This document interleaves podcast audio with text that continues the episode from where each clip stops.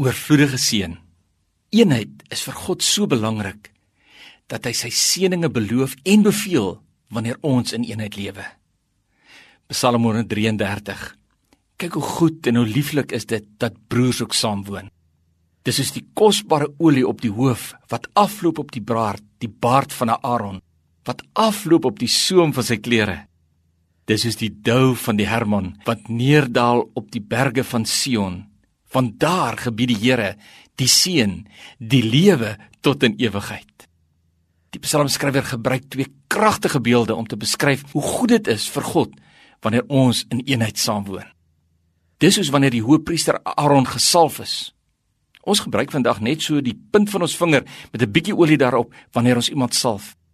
Maar in die Bybelse tyd het hulle ramshoring volgemaak met heerlike welriekende olie. Dan gooi hulle daardie hele horing vol olie op hom uit. Dit stroom oor sy kop, oor sy baard, oor sy klere, oor die soem van sy klere tot op sy voete. En die olie versprei 'n aangename geur van die salwing dwars deur die vertrek. So wanneer ons in eenheid saamleef, vul die aangename geur van God se salwing die atmosfeer. Die tweede beeld is baie goed verstaan deur die mense van die Bybel. Israel is 'n baie droë land. Daar val nie so baie reën nie. Maar die berg Hermon in die noorde van Israel is die hoogste berg en dit kry die meeste reën. Die vochtigheid kondenseer snags en vorm swaar dou wat val so ver as die pleine by Jerusalem. En hoewel die plante nie baie reën kry nie, is die dou vanaf Hermon 'n lewegewende verfrissing wat die plante aan die lewe hou. Eenheid tussen God se kinders is soos daardie dou. Dis lewegewend vir almal wat dors het.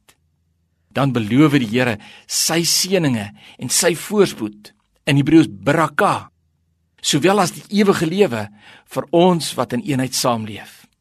En wie van ons soek nie God se seën in die ewige lewe nie? Hierdie eenheid met mekaar, dit begin by 'n intieme verhouding met God in ons binnekamers en dit vloei uit na ons huwelike, familie, kerk en werk.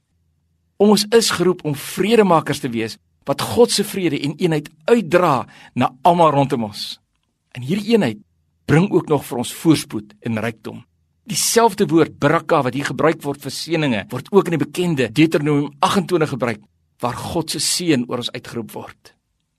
En al hierdie seëninge sal oor jou kom en jou inhaal as jy luister na die stem van die Here, jou God. Geseënd sal jy wees in die stad, geseënd sal jy wees in die veld.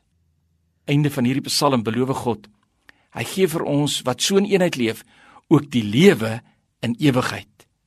Sal ons nie hierdie liefde en eenheid met mekaar najag nie.